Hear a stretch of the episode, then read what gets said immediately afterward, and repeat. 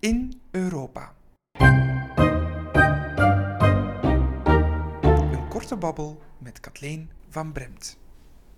Hallo allemaal en welkom bij In Europa, de korte podcast waarin we een blik werpen op wat er allemaal gebeurt in de Europese Unie en het werk in het Europees Parlement. En dat doen we met Kathleen van Bremt, Europees Parlementslid voor SPA. Dag Kathleen. Het is deze week plenaire vergadering in het Europees Parlement, maar wat staat er eigenlijk allemaal op de agenda?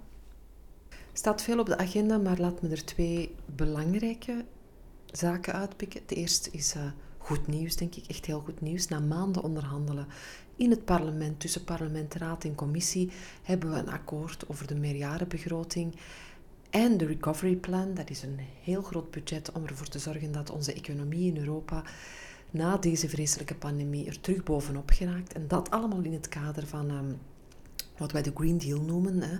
De doelstellingen om uh, Europa klimaatneutraal te maken tegen 2050. Dus een heel groot pakket van nieuw geld. Maar vooral wat erachter zit, is een, uh, is een visie op de toekomst die na deze moeilijke periode um, onze economie, maar vooral ook ons welzijn, um, op het juiste pad te brengen uh, naar een duurzame toekomst. Het tweede punt uh, op de agenda, uh, minder uh, goed nieuws en minder optimistisch. de brexit, daar zijn we al vier jaar mee bezig. Blijft een historische fout, vind ik, maar de Britse bevolking heeft gekozen en we moeten dat honoreren. De doelstelling blijft om uit elkaar te gaan als vrienden, met respect voor elkaar. Dat willen we absoluut, maar het water is wel erg diep, moet ik zeggen. Um, voor ons in Europa blijft het ontzettend belangrijk dat in die scheiding we ervoor kunnen zorgen dat onze bedrijven en onze burgers beschermd zijn en dat onze normen op het vlak van het sociale, op het vlak van leefmilieu, klimaat, dat we die hoog kunnen houden. In Groot-Brittannië droomt men wel eens van wat men noemt eh, Singapore uh, aan de Thames. Een soort van vrijhandelstaat die um, uh, lagere normen hanteert en op die manier erg sterke concurrentie aandoet aan onze bedrijven. En dat is niet compatibel met elkaar of gewoon niet aanvaardbaar voor de Europese Unie. Wait and see of we deze week nog een akkoord krijgen. Laten we hopen. Maar uh, het hele Europese parlement staat onder grote druk um, om dit toch tot een goed einde te brengen. Er wordt ook heel vaak gesproken over een no-deal Brexit, maar wat zijn de gevolgen daar eigenlijk van? De no-deal Brexit is, is redelijk dichtbij. Um, de gevolgen zijn alleen maar slecht. Ik kan dat niet anders uh, dan benadrukken. Het betekent dat er terug in voorrechten komen um, op heel veel producten.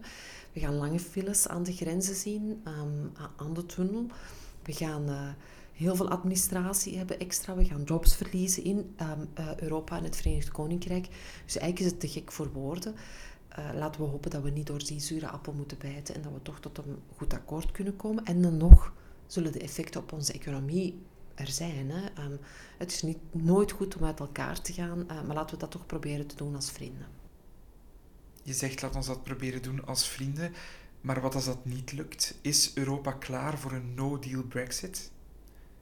Europa is er wel klaar voor. Hè. Ik denk dat dat duidelijk is um, dat we dat benadrukken. We gaan enerzijds een heel pak wetgeving um, aannemen om ervoor te zorgen dat we ons kunnen blijven verplaatsen tussen het Verenigd Koninkrijk en Europa, kunnen blijven vliegen dat we uh, de files zo weinig mogelijk of zo kort mogelijk maken.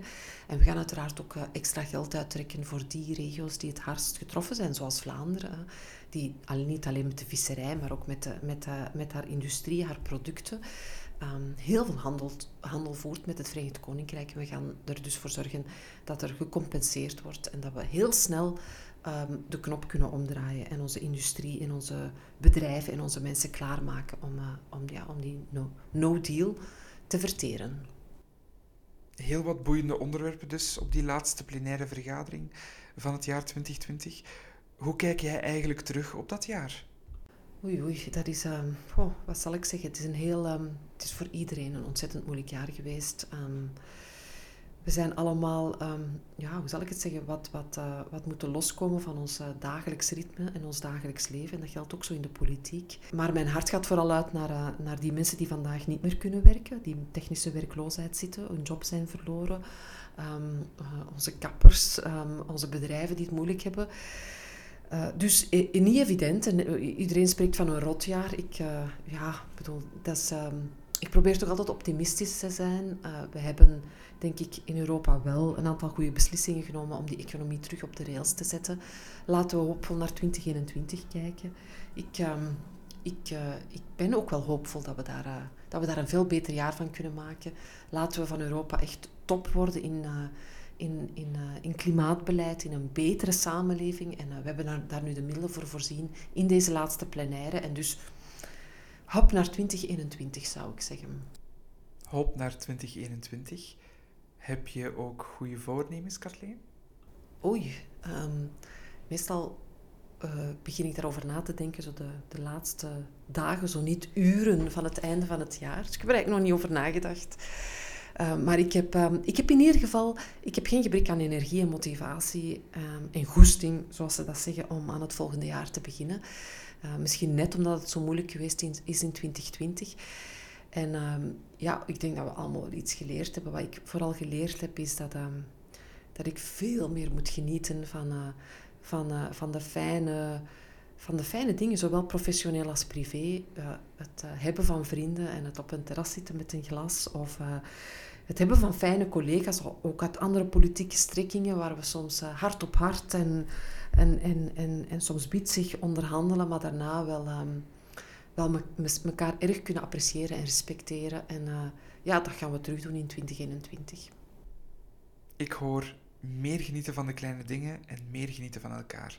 Dat is een heel mooi voornemen voor 2021 en ideaal om deze kleine, korte podcast mee af te sluiten. Dank u wel. Thank you.